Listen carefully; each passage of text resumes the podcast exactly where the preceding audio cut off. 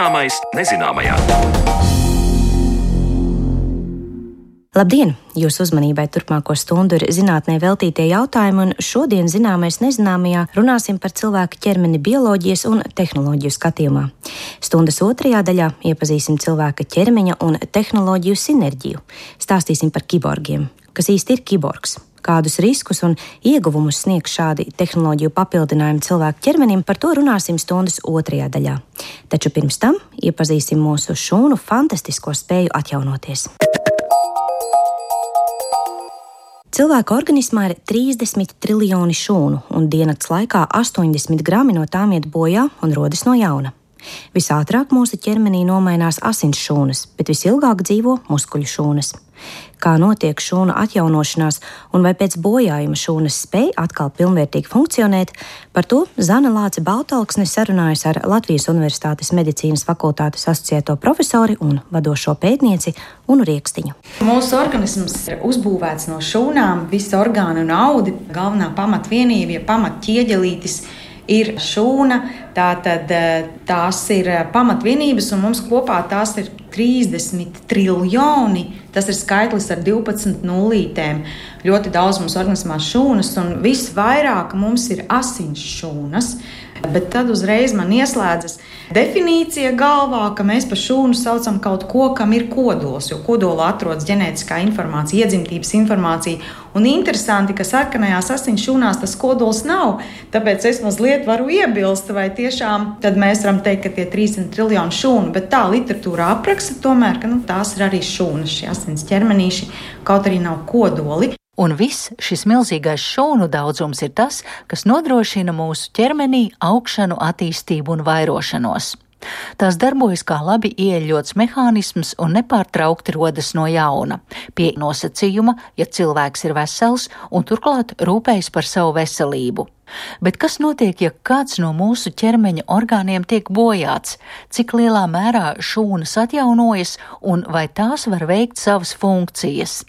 Atbildi uz šo un citiem ar šūnu atjaunošanos saistītiem jautājumiem meklējam kopā ar Latvijas Universitātes medicīnas fakultātes asociēto profesori, farmācijas studiju programmas direktori un vadošo pētnieci Unu Riekstiņu.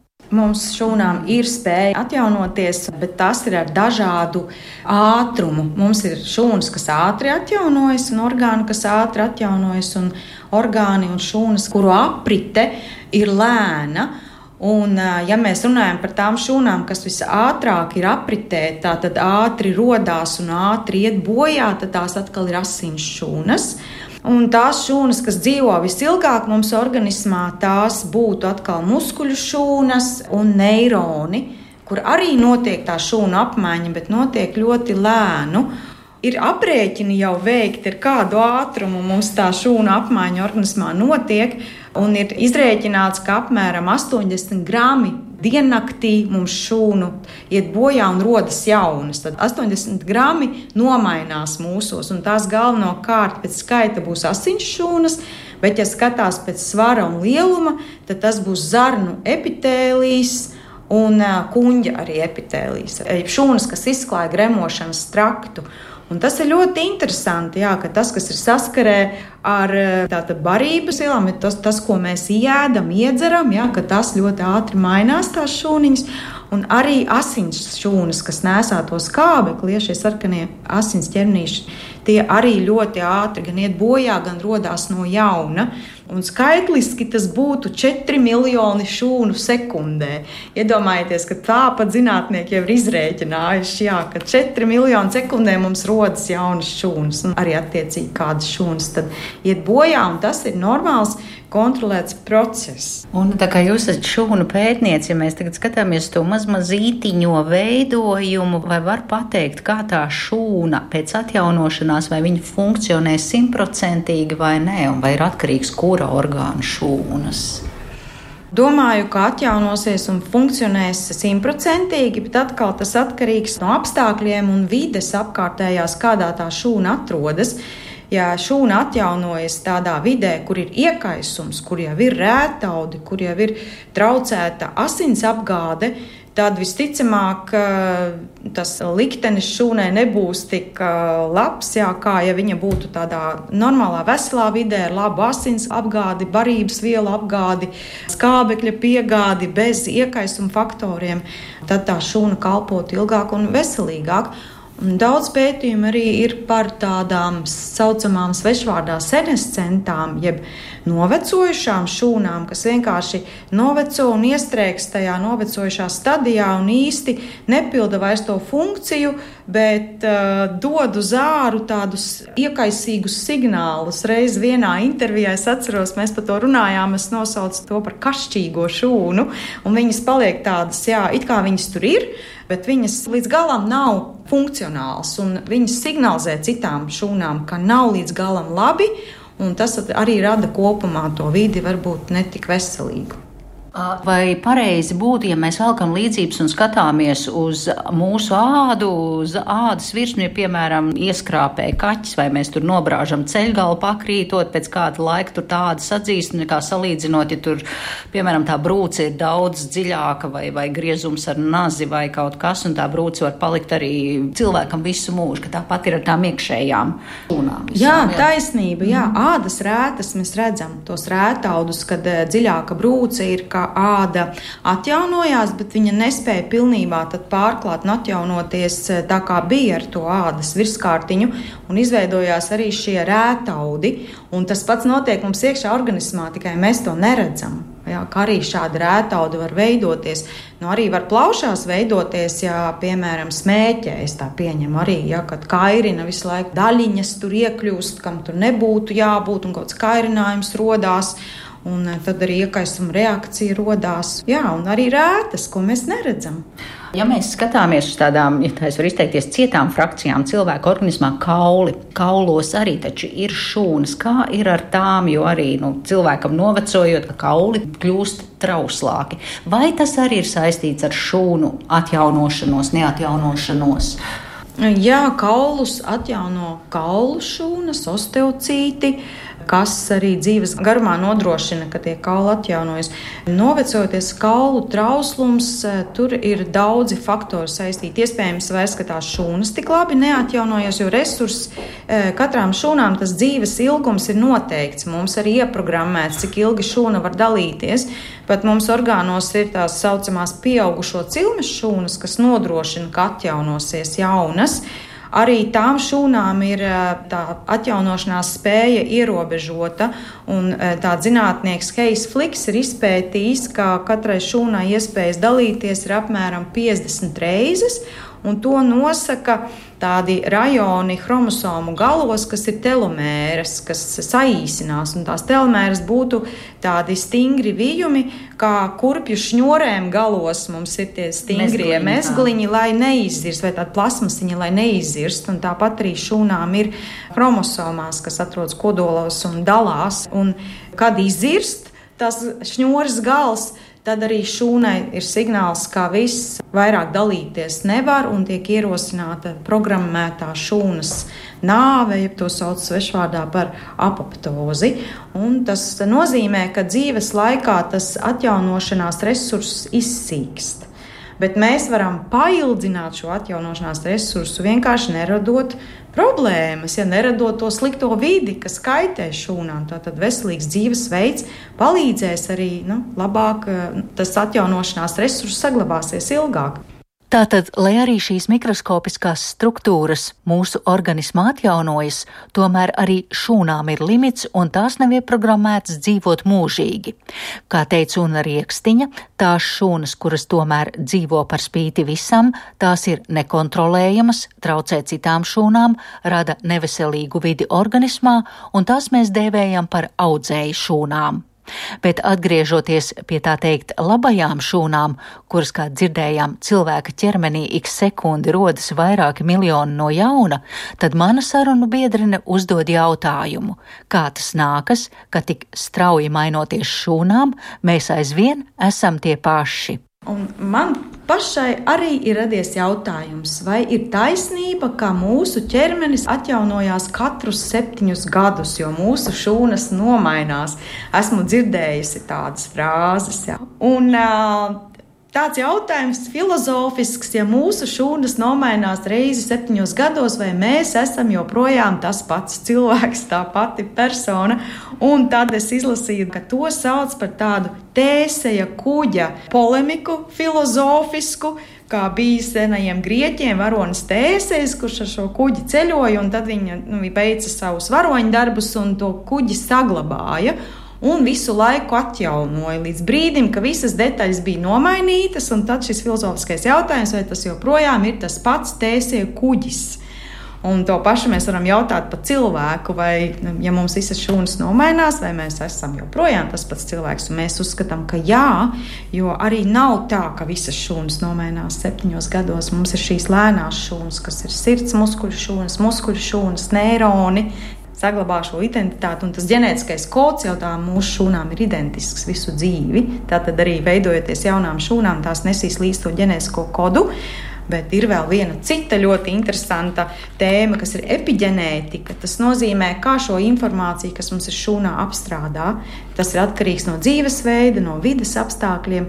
Un e, tas jau ir atkal pavisam jau cita jauna tēma, par ko arī daudz var runāt. Kā tas notiek, kā tas tēsēji kuģis var izmainīties atkarībā no tā, piemēram, ja stāvēs visu laiku lietū, vai sasalumā, vai karstā saulē, ja tas izmainīs arī, kā tas izskatīsies, un arī mūs tas ietekmē. Paldies par sarunu Latvijas Universitātes medicīnas fakultātes asociētai profesorei un vadošajai pētniecei Unai Riekstiņai. Tas bija ieskats šūnu pasaulē, un kā noprotams, nākotnē mēs turpināsim runāt par šo tēmatu - šūnu atjaunošanās miedarbe ar cilvēka organismu.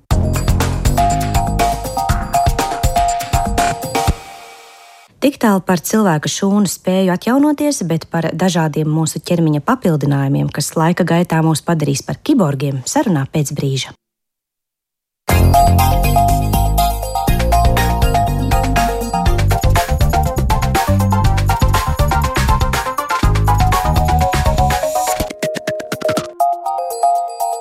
Zināmais nezināmajā. Pa pusē cilvēks, pa pusē robotizēta būtne, ikvienam, kurš savulaik redzējis filmu Terminators vai Matrix, ir priekšstats par to, kas ir kiborgs. Tikko Ķīna izziņojusi ambiciozus plānus par humanoīdo robotu izstrādi, un šodien mēs uzmanību vērsīsim cilvēka un robota apvienojumam, kas gal galā ir kiborgi. Vai tā ir zinātniskā fantastika, vai jau nemanāmi mūsu ikdienā ienākusi parādība, par to šodienas studijas aicinājusi Leo Siļāvo, Latvijas Universitātes datorikas fakultātes profesoru. Labdien! Un Emīls Unģukovs, uzņēmuma Longinesis pārstāvis un medicīnas tehnoloģija eksperts. Labdien! Labdien. Nu, kas tad īsti ir kiborgs? Un kas ir bioniskais cilvēks? Jo mēs dažkārt šos abus divus terminus lietojam, varbūt jaucam. Kiborgs ir tāds nevienkāršs termins. Jo no vienas puses liekas, ka kiborgs varētu būt vien, vienalga kas. Cilvēks, kuram ir pielikts klāt kaut kas tāds, kas dod viņam papildus maņu vai papildus spējas, uh, Um, bet tajā pašā laikā jau varētu teikt, ka arī es esmu kiborgs, tāpēc ka man ir uh, brilles uz acīm. Tā kā kaut, kaut kur tā svītra ir jānoliek. Es nezinu, kā Emīls domā. Nu, šodien mēs droši vien runāsim par tādiem tehnoloģiskākām, nevis ikdienas lietām, vai ne? Jo paplašinājumi, kā brīles vai implanti, tie paši zobu implanti, kādu lodstāvu implantu arī ir daļa no tā kibergo terminoloģijas.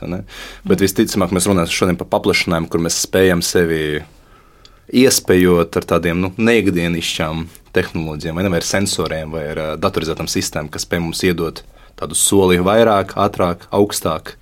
Par nu, tādu vidējo, vidējo aritmetisko. Varbūt no otras puses viņi dod mums tādas iespējas, ko mums daba vai, vai kāds negadījums ir paņēmis nost. Mm -hmm. Teiksim, ja mēs, viens no piemēriem ir, ir tāds cilvēks, Neils Harbisons, kurš jau no dzimšanas faktiski ne, neredzēja krāsas, neatšķīra krāsas. Un tad eventuāli viņš izdomāja, ka viņš ieliks galvā to, ko sauc par antenu, kas īstenībā nav antena, bet ir neliela kamera. Un skatoties uz krāsām, tā kamera pārveido uh, to bildi uh, skaņā. Un tad tā skaņa nonāk līdz viņam jau galvā iebūvētās tās, nu, skaņas uztveršanas orgāniem. Un tādā veidā viņš redz krāsas tikai caur skaņu. Ko tās skaņas viņam saka? Viņam Nezinu, tā ir dzeltena krāsa, sarkana, zaļa. Kā, kā tas notiek? Nē, tas drīzāk ir dažādi toņi dažādām skaņām. Tāpēc viņam reizēm ka viņš arī ir sniedzis dažādas prezentācijas un stāstījis par to, kā viņam ir. Viņš saka, ka viņš redz kādu, piemēram, cilvēku, tad viņam tas asociējās ar kaut kādu mūziku, tas cilvēks. Tas sanāk, viņš dzīvo diezgan lielā trokšņa pasaulē. Sanāk, vienu maņu pārcelt ar lielu slodzi. Tā mēs varētu iedomāties, bet redz, pēc kaut kāda laika viņam smadzenes pie tā pierada, tā vismaz viņš stāsta. Un, uh, viņš saka, tad arī viņš esot sajūties pirmo reizi kā kiborgs, tad, kad viņš ir sajūtis, kad viņam tās visas maņas kļuvušas dabiskas, tās skaņas, krāsas, uh, uztvere pasaules. Gribēja. Nē, nē, mums ir lieliski, liekas, spēja cilvēkiem pielāgoties ne, dažādām tādām gan ārējām, gan iekšējām pārmaiņām. Un, man liekas, to, par ko Leo stāsta, ir lielisks piemērs. Ja, ka, nu, tas ir uztveres koncepts. Vai tie cilvēki, kuri uh, neredz pasauli, nejūt pasauli tā kā mēs, uh, ieliekot kādu tādu iekārtu vai sistēmu, uztver sevi kā kiborgus. Tas arī ir tas. Nu, no kurā, no kurā skatu punkta, no kura leņķa mēs skatāmies, vai ne? Beigu beigās. Tāds interesants eh, nu, uztveres koncepts. Mm, par piemēriem vēl parunāsim, bet uh, pirms tam es vēl gribēju par pašu jēdzienu kiborgs. Tas vairāk liekas nu, zinātniskā fantastika, komiks, kaut kādas filmas vai, vai paši pētnieki tādu jēdzienu vispār jebkad lieto.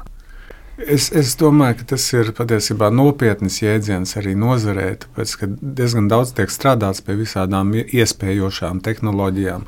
Piemēram, ja kādam ir amputēta kāja, lai varētu uztaisīt pilnvērtīgu, kā, nu, gandrīz bionisku kāju, kas ļauj cilvēkam iet dabiskā gaitā, nevis kaut kādā jā, jāiemācās no jauna kaut kāda cita gaita pavisam. Tā es teiktu, nopietna lieta tā ir. Šodien, kā reiz iegāja pirms intervijas arī Amerikas uh, viena no zinātnes institūcijas datubāzēm, ja, ka, nu, attiecīgi, kā Leva arī teica, kiborga jēdziens diezgan plašs. Ne, mēs kā, nu, kā daudz cilvēku stereotipiski domā par nezinu, Terminatora filmu, vai ne, kā jūs minējat, vai kādu citu matriksa filmu, ja, kur arī digitālas tehnoloģijas ienāk. Bet uh, tiešām ļoti plašs iedziens, sakot ar tādām ikdienišķām lietām, implantējamas uh, lietas, iekārtas, ja, tās pašas, ko mēs izmantojam ikdienā, pacienti ar dažādām kustības vai citiem traucējumiem. Mm. Bet, nu, tā mēs nu, ikdienā neuztveram viņus par kiborgiem, vai ne? Bet definīcija saka, ka nu, šī ir daļa no termina. Kiborgs būtu uzreiz runa par implantiem, kaut kas saistībā ar ievietošanu iekšēji ķermenī, signālu apraidi un vispārējais. Es, es liktu uzsvaru drīzāk uz komunikāciju starp bioloģisko ķermeni un to fizisko iekārtu. Un, un tā komunikācija var notikt dažādi. Viņa var notikt gan ar uh, smadzeņu implantu, tā saucamo brain to, to computer interface, vai arī vienkārši ar kaut kādiem kā skaņas efektiem jau pieminētajā paraugā, vai, vai arī tikai nu, kā kaut kāda vibrācija, kas ir tuvu pie ādas, tā lai mēs to sajūtam. Kā, kaut kādā ziņā, tad, kad mēs paņemam telefonu rokā un viņš mums vibrē, zvana, varbūt tad mēs arī kļūstam par kiborgiem. Bet filozofiski jau varētu tā teikt, ka kiborgs ir tas cilvēks, kurš sevi uzskata par kiborgu. Mēs varam runāt par kopienu, kas veidojas, nu, kas ir šie cilvēki, kas gala beigās arī sevi padara par šiem kiborgiem, jo tur noteikti pašiniciatīva ir galvenais.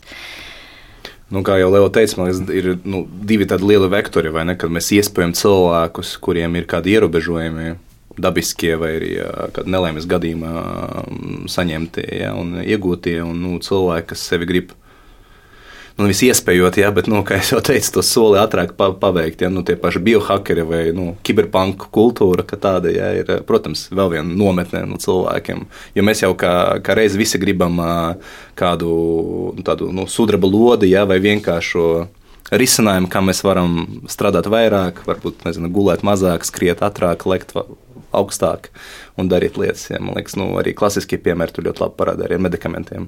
Tas pats Ozempika medikaments tagad, kas ir viens no blockbusteriem, ja, kur visi cilvēki grib iešpricēt un kļūt tādi sportiskie uh, tievi. Mm un, nu, man liekas, arī šeit līdzīgs koncepts. Bet es saprotu, nu, Neila gadījumā šī antena, tas ir bijis cilvēks, kuram acīm redzot, tajā brīdī medicīna nevarēja nodrošināt viņam vajadzīgās funkcijas. Cilvēks, acīm redzot, talantīgs, gan lai spētu kaut ko tādu izveidot, pats savām rokām izstrādāja šo tehnoloģiju. Viņš sadarbojās ar, ar saviem draugiem. Un, patiesībā pirmajā brīdī, tad, kad viņš bija izdomājis to ideju un gribēja iebūvēt to sev galvā. Viņam ētikas komisijas atteica to visu. Viņš kaut kur kaut kādā veidā, kā doktori bija sadabūjis un, un neoficiāli to iestrādāja. Bet bija radās viens cits izaicinājums viņam ar to kameru, kad um, viņam beidzās pasi un bija jāatjauno pasi, un viņam negribēja pieņemt fotografiju ar to antenu, kas nāk virs galvas ārā viņam. Nu, tāda kameriņa, kas tā kā gandrīz līdz pierai aiziet. Un viņš teica, ka nē, tas ir mans vēl viens orgāns. Viņš viņu sajūt kā vienu organisku sastāvdaļu no sava ķermeņa. Nu, beigās tomēr viņam ļāva nofotografēties pasē ar tādu, bet tas ir arī viens tāds gan, gan sociāls, gan likumisks aspekts, kas, kas ir nepieciešams, lai pieņemtu sabiedrībā tādus cilvēkus, kas ir sevi kaut kā uzlabojuši vai papildinājuši. Un tāpēc viņš arī e, sāka ar, ar vienu savu paziņu, uh, kiborgu atbalstīšanas organizāciju, kur viņi veic arī dažādas gan, gan donācijas uh, bērniem ar uh, redzes vai nu traucējumiem vai neredzīgiem uh, kā arī atbalsta dažādas pasākumus saistībā ar, ar, ar, ar cilvēku interesi par kiborgiem un, un sevis padarīšanu par kiborgiem. Bet ko šādas kopienas aktivitātes liecina? Nu, ka tā nozara netiek līdzi tam pieprasījumam, vai viņi redz iespēju tur, kur medicīna un ētika vēl tā kā nē, nē, nē mēs bremzējam, tas ir par bīstamu. Kāpēc nu, ir šis izrāviens šajā kopienā? Bet, nav tā sadzirdētība no tās uh, medicīnas nozares puses. Mm. Nu, tāpēc, ka veselības aprūpes sfēra mm. tāda ļoti konservatīva, un tas nav tikai tāpēc, ka mēs tā gribam, jā, tas ir arī, lai nodrošinātu drošību. Ja, jo, ja paskatāmies kaut kādus 50, 60 gadus atpakaļ, ja, kad notika lielas pārmaiņas tajā pašā Food and Drug Administration, nu, ZVA analoga ASV, ja, tas, eh, tas pārmaiņas eh, tika uztaisītas tieši tāpēc, ka klīniskos pētījumos eh, uzrādījās lielas blaknes un lielas, lielas problēmas cilvēkiem. Ja, jo tas netika tik dziļi un tik stingri auditēts ja, un pār, pārbaudi, pārraudzītas. Ja. Nu, tāpēc, arī, protams, ir grūti, ka nu, tehnoloģijas attīstās ļoti ļoti ātri un plaši, ja, un cilvēkiem, protams, ir visdažādākas domas, sapņi, vajadzības arī. Un tas ir tas jautājums, ja, ko uzdod arī tā paša personalizēta medicīna. Kā mēs spētu no sistēmas, kā mēs nodrošinām nu, terapiju uzreiz vairākiem cilvēkiem, kā mēs spētu personalizēt un izvērtēt katru gadījumu. Ja? Vai mums ir tie priekšstāja resursi?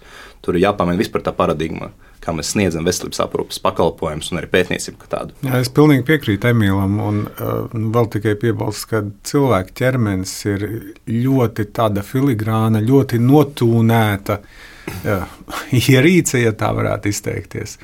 Un, lai tajā iejauktos ar vēl papildus orgāniem vai citām lietām, tas ir ļoti liels risks, protams. Un, un, un, un tā var nodarīt reizēm. Tā kā medicīnas pirmais likums ir eh, nedari pāri, nedari ļaunu vai ne. Un, un tad šeit tiešām nu, nav skaidrības bieži vien, vai tas būs darīts pāri vai nē. Risks mm. ir liels. Vai mēs varam domāt, ka no šī kiborgu kustība laika gaitā paplašināsies, tad tas biohackings mājās tur virtuvē savu genomu labot un remontēt savas ķermeņa detaļas, vai tas ies vairumā un būs vairāk tādu precedentu, ka cilvēkiem rodas kaut kādas problēmas, jo viņi tur, nu, tā teikt, eksperimentē ar sevi? Es domāju, ka jā, tāpēc, kad ir tehnoloģijas, attīstās ar vien vairāk, kļūst ar vien mazāks visi tie gadgeti, ko varētu varbūt pie, piebūvēt sev klāt. Uh, komunikācijas visādas iespējas ir, ka mēs varētu sev pieslēgt internetu gandrīz vai mm. tā, tā, lai mēs varam uzreiz kaut ko paprasīt, ko mums gribās. Arī tādi mēģinājumi visādi ir bijuši. Es domāju, ka vēl, protams, ir nu, tā tirgus, tirgus vajadzība vai pieprasījums. Ja? Nu, cilvēkiem veidojas pieprasījums tagad pēc lielāka un ilgāka dzīves kvalitātes, ir quality of life years, ja?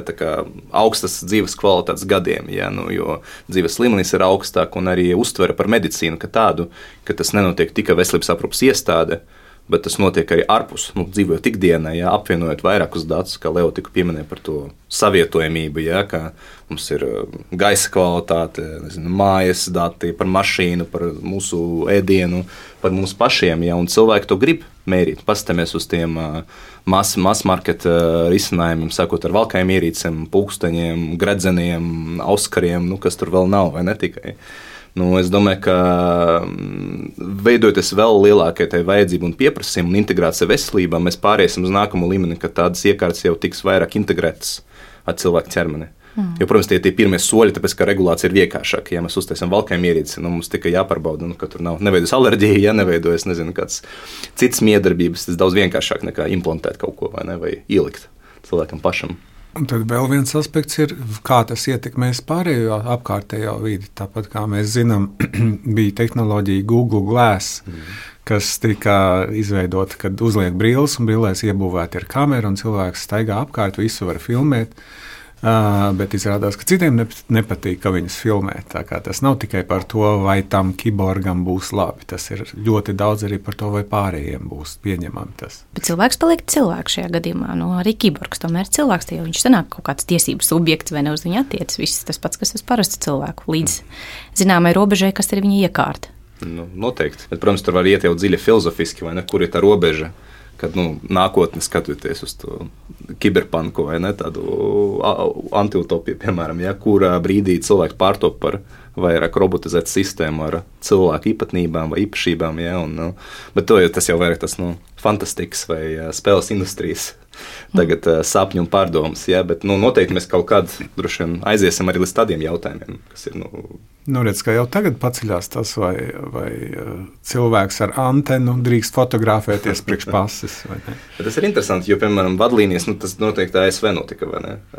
Man šķiet, ka Lielbritānijā. Ah, okay, bet, jo vienkārši skatoties, nu, foto, fotografēties uz ASV pases, piemēram, ja tur ir, nu, rel, reliģisks tev ir uztvere, piemēram, ja cilvēki tic makaronu monstram, viņi drīkst tur uzlikt to to spainīt ja, sev uz galvas, nu, uztverat to kā reliģisko Jā. piedarību. Ja, un, uh, kur ir, nu, vai mēs liekam to kā vēl vienu ailīti, kā, kad cilvēks uztver šo antenu kā nu, savu, savu, nezinu, vēl vienu aci vai, ne, vai vēl vienu degunu.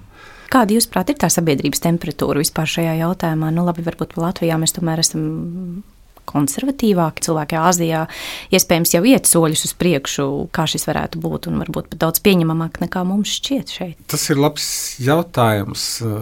Āzijā, piemēram, Ķīnā, tie, tie likumi, nu, pat varbūt sabiedrības likumi, ir, ka privātumam nav tik liels spēks vai, vai tam, ko indivīds domā. Tas vairāk ir vērsts uz kā, sabiedrības nu, priekšrocībām kaut kādā ziņā. Uh, šai, uz otru pusi no pasaules tur, tur vairāk, manuprāt, tiek skatīts tomēr cilvēku kā individu eh, vēlmes un viņu personiskā telpa un, un, un tiesības. Un tāpēc tur cilvēki varbūt mazāk pieņem savādākus.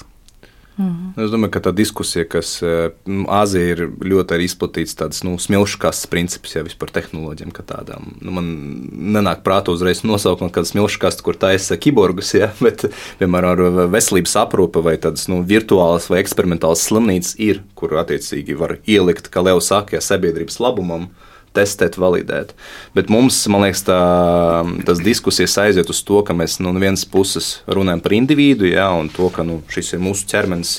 Mēs esam paši savu medicīnas datu īpašnieki un arī savas veselības ne īpašnieki. Bet no otras puses, tas pats, ko arī Leo teica, ja, ka ja cilvēks grib sevi modernizēt vai pielikt klāt sev kaut kādas lietas, ja, tad eh, nevienmēr tas ir tik vienkārši un eh, kas bieži vien mēs runājam par to spēju cilvēkam pieņemt lēmumus tādus, vai viņš izprot visus riskus, un ne tikai riskus, bet arī to rezultātu. Ja, jo, nu, kā, tas var izklausīties ļoti forši, ka man ir treša roka, ar ko es varu drukāt vēl vairāk, vai ne tekstu un, un darbu. Bet vai es apzinos to, nu, kāda mana dzīves kvalitāte būs un kādi būs tie iznākumi ja, pēc 10, 20, 5 gadiem. Un, uh, to mēs redzam arī klasiskajā medicīnā, piemēram, eksperimentālās zāles un pētniecībā. Ja, ka nav tik vienkārši nemaz cilvēkam ar terminālu stadiju tā pašam pieteikties, ja pateikties, gribu tas eksperimentāls zāles lietot. Tas ir darbs, un man liekas, ka nu, tur vēl ir, ir ko diskutēt, pirms mēs tā uzliekam to uz konvejeru, kā cilvēki var sevi modernizēt tik vienkārši. Bet tajā pašā laikā mēs runājam par to pašu. Pirms kāda laika ar, ar Emīlu runājām par neurolinku un, un, un šiem smadzeņu implantiem. Nu, tur liekas, nozare drosmīgi iet uz priekšu. Nu, tā teikt, viss kārtībā. Nauda tiek ieguldīta, projekti ir, materiāli tiek izstrādāti. Bet tur arī atdeve ir, ir milzīga. Teiksim, ja mēs varam uh, realizēt tādu saskarni ar mūsu smadzenēm. Un, un, ja mēs varam visiem cilvēkiem, kam ir nepieciešami protēzes, piemēram, vai roku vai kāju protēzes, ka viņi var tīri dabiskā veidā mm. viņas vadīt. Tur, tur gan pētījumi parāda, ka cilvēkam ir jāiemācās tā jaunā roka vadīt, bet nu, tas nekas to, to visu var darīt. Tagad tur tas tirgus ir milzīgs, un tur arī tie acīm redzamie pielietojumi ir, ir daudz, kurus var uzreiz jau atļauties, varbūt virzīt uz priekšu, tā kā ar tām pašām protēzēm. Tīri praktiski, nu, tehnoloģiski, kā šādas protēzes strādā. Tātad tiek iestrādāts kaut kāds implants smadzenēs, kas tālāk notiek, kā tā komunikācija starp to bioloģisko un to tehnoloģisko pusi notiek. Smadzenēs implantam ir ļoti daudz kontakti. Viņas, tas implants mēra daudzās vietās. Un smadzenēs nav īsti tā, ka, ja mēs pareizā vietā ieduram, tad tas, tā ir tā vieta, kas ies, no, ieslēdzās tad, kad paceļ roku. Katram cilvēkam tas ir savādāk. Katrs cilvēks ir ir uh, mazs bērns, būdams atradis vispirms sev rokas un pāris reizes iekrāmējis varbūt sev pa galvu, kamēr saprata, ah, tas varbūt man var noderēt, ja, kādas rokas. Un, un tāpēc tas ir ļoti individuāli un arī grūti tā pievienot. Un tāpēc ir tas aspekts, ka cilvēkam ir jāmācās, tad, kad viņam ir šāds implants izveidots, tad viņam ir šī rokas protēze, piemēram, nolikt priekšā, kas cenšas atbildēt uz, uz dažādiem signāliem. Un tajā pašā laikā pa vidu varbūt arī ir kāds mašīnu mācīšanās algoritms, kurš cenšas iemācīties, kas ir tie, tie pa, paterni, saucamie tie paraugi, ko cilvēks sūta no savām smadzenēm. Uz, uz nu, pēc viņa domām, rokas. Viņam, teiksim, var pateikt, domā tagad, ka tu gribi pacelt roku. Un tad viņš to iedomājās. Domā, tagad, kad tu gribi sa savākt dūrē, un tad viņš to iedomājās. To visu dators mēģina iemācīties. Un tad ar, ar speciālu sistēmu mēģinu savienot ar to roku. Tagad nākošais, kad es atkal domāju par rokas pacelšanu, tad tā roka arī tiešām paceļās. Un tas, nu jā, tas var strādāt arī uz otru pusi. Nu, arī ir uh, implants uh, un protezes, uh, kas ļauj tev sajust arī ne, kaut kādas virsmas vai tekstūras un pārējās lietas. Bet līdzīgs princips tika uz otru pusi. Jā, mēs arī apmācām cilvēku. Bet ir dažādi līmeņi būtībā, ja mēs skatāmies uz protezēšanu. Jā, var arī būt neimplantējamas iekārtas, nu, piemēram, pieliekot klāt uh, muskuļu signāla sensorus. Bet tas viss ir, kā jau Leo teica, ļoti personalizēts un atkarīgs no stadijas, no traumas, arī no ilguma, kā tā trauma tika iegūta, vai kā tā nespēja vai ierobežojumi tika iegūti vai tas ir ar dzimšanas brīdi, jā, vai tā ir kāda trauma, kas nesen atnesa tādus rezultātus. Jā, un, nu, tā ir pielāgojas tā tehnoloģija.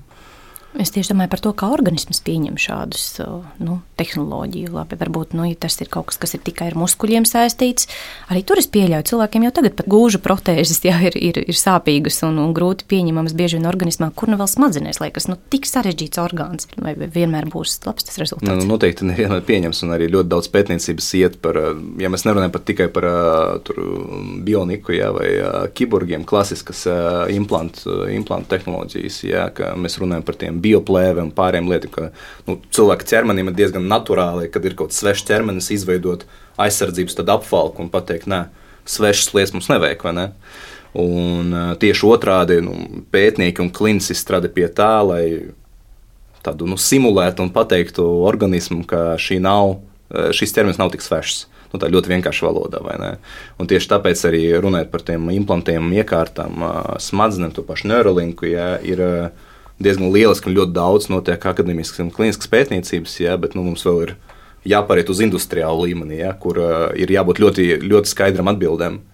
Ne, kas ir tas process, kā mēs nodrošinām to, ka ķermenis saprot, ka nu, šis nav svešs ķermenis, ko vajag izolēt, ja, un cilvēkam izveidojas arī, protams, komplikācijas no tādām operācijām. Mm -hmm. Bet, eh, jā, protams, tas ir ļoti riskanti. Tas nav, tas nav tāds ikdienas eh, stāsts, ja, ka tur, nezinu, nu, aiziet pie lora pārbaudīties un iziet jā. ārā, ja, atskriet uz radio pēc tam. Bet, nu, saprotu, runa būtu par kompozītu materiālu, kā tas tiek veidots, ja kaut kāds biomateriāls, kas organismam pieņemamāks nekā tur metāla čipiņš, ko ieliek.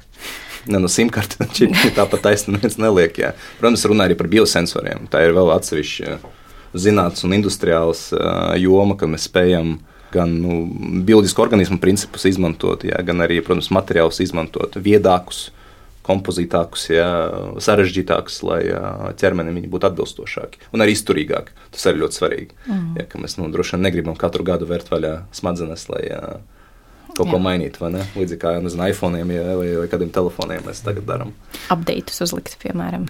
Tāpat problēma jau pastāv arī dažādām citām, nu, ja tā var teikt, ierīcēm, tā kā saucamajiem pacemakeriem, ko liek sird, sirdī tūmā, lai viņš uzturētu to ritmu un monitārētu sirdi. Tā kā medicīna domā par to jebkurā gadījumā un ir, ir, ir zinām sasniegumi par to.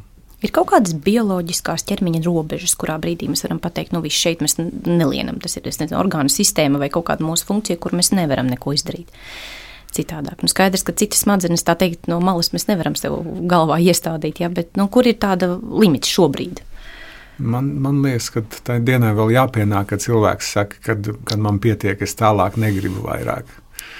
Tā kā es, es Laikam palikšu pie tāda. Tā. Es, tas nenozīmē, ka es saku, ka mums vajag visu sevi pārtaisīt. Man liekas, nu, tas acīm redzamākais droši vien ir tas, kas smadzenes pārtaisīt. Uh, droši vien, ka negribēsies, bet ir, ir arī cilvēki, kuriem ir problēmas ar, ar smadzenēm, ir bijušas traumas dažādas. Šķiet, arī starp tiem pašiem kiborgiem bija, bija tāda situācija vienā gadījumā. Bija situācijas, piemēram, kad acis ir traumēta, tad to aci izņem ārā un ieliek kamerā, teiksim, iekšā. Ir tāds cilvēks arī viens pa pasauli staigājis. Bet pašas smadzenes, nu, varētu iedomāties pat, ka smadzenēm, ka pieliek tādu saskarni, ka mēs tāpat kā mums ir šie te uh, brain computer interface varianti, un pieliek klāt datoru, un tad datorā mēs varam atcerēties vairāk varbūt kaut kādā ziņā.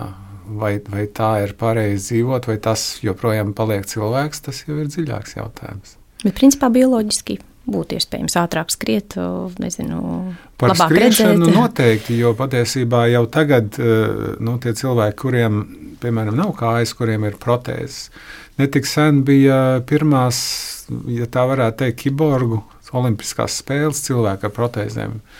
Olimpiskās spēles, un, un, un viņiem tie, tie materiāli un tās tehnoloģijas viņus cenu uz priekšu stipri ātri.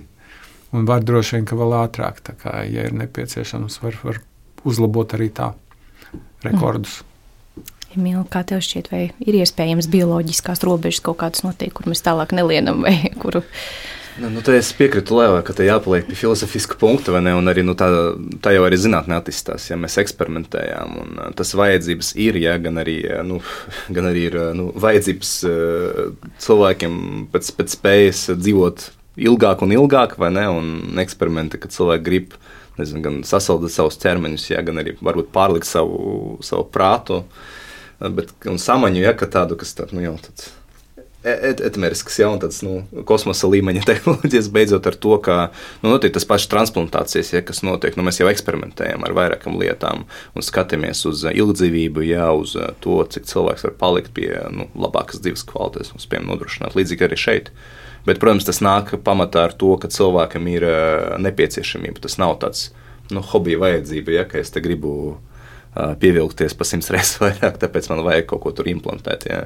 Tas pamatā, ja mēs skatāmies uz akadēmiskiem kliniskiem pētījumiem vai case stādiem, tie cilvēki vai no terminālām um, stadijām, slimībām vai cilvēki, kuri nespēja komunicēt ar pasauli, ja, un, nu, tā ir vienīgā iespēja, kas viņiem ir. Tāpēc tur ļoti grūti pielikt punktu, manuprāt, pagaidām. Mm. Kā šeit darbojas šie um, sensori vai, vai mikroshēmas, vai kā, kādā veidā cilvēki var sarunāties ar apkārtējo pasauli, ja viņiem šīs iespējas ir liektas? Un tur atkal ir ļoti dažādi līmeņi. Ja, sakot ar Stevenu Hawkingu, tādu nu, ļoti liekas, slavenu piemēru, ja, kad nu, tas nebija implantējuma iekārta, ja, tas bija ārējais vai egzosistēma, ārējais sensors, kas skaties uz to muskuļu rajonu, kas viņam nu, bija vēl vēl darbojās. Tad, attiecīgi, jā, kombinēja to, to signālu ar, inter, ar ietvaru, ar interfeisu programmatūru, kur tika sakombinēti dažādi alfabēta burti.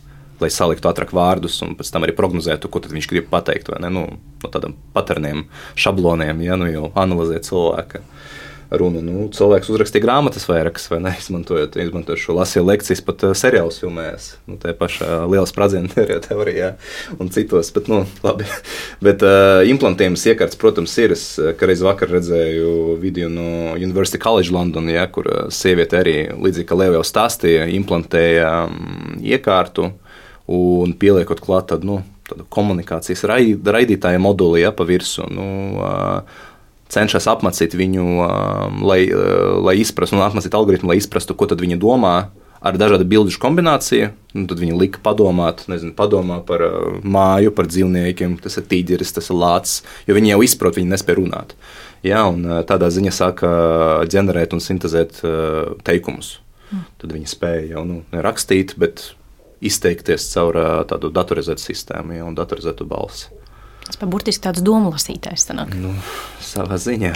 Nu jā, bet tikai viņš noteikti ir jātrenē. Un, un tas ir diezgan tāds Uh, droši vien klupšanas akmens cilvēkiem, ko viņi saka, ah, tas nozīmē, mēs varam domu lasītājus uztaisīt, vai arī mēs varam tās pašas protēzes uztaisīt, kur tu tikai uzreiz pieliec un aiziet gatavs. Bet nē, tur ir liels darbs jāieliek, lai tie tīri saprastu, kā tieši katram individuālam tās smadzenes, mm. kādus signālus sūta.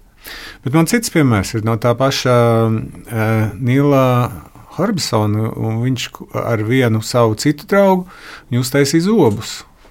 Implantējumus, zilzobus, tā viņi arī viņus nosauc. Tā, tā, nu, tieši tāpēc, ka viens no tiem zobiem komunicēja ar Bluetooth mm. protokolu, un otrs bija tā kā poga.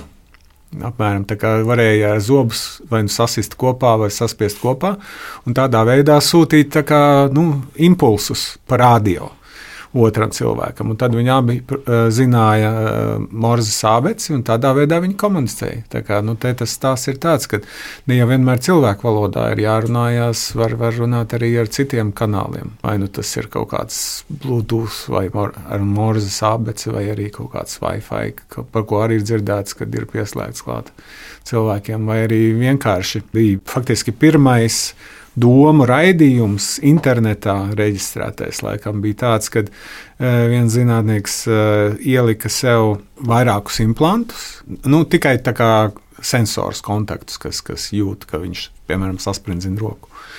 Un arī savai sievai ielika līdzīgs. Un tā doma bija tāda, ka viņš vienā galā sasprindzina roku, un otrā galā viņa sieva jūt mm. to, to roku. Jā, tikpat kā pieskārienu.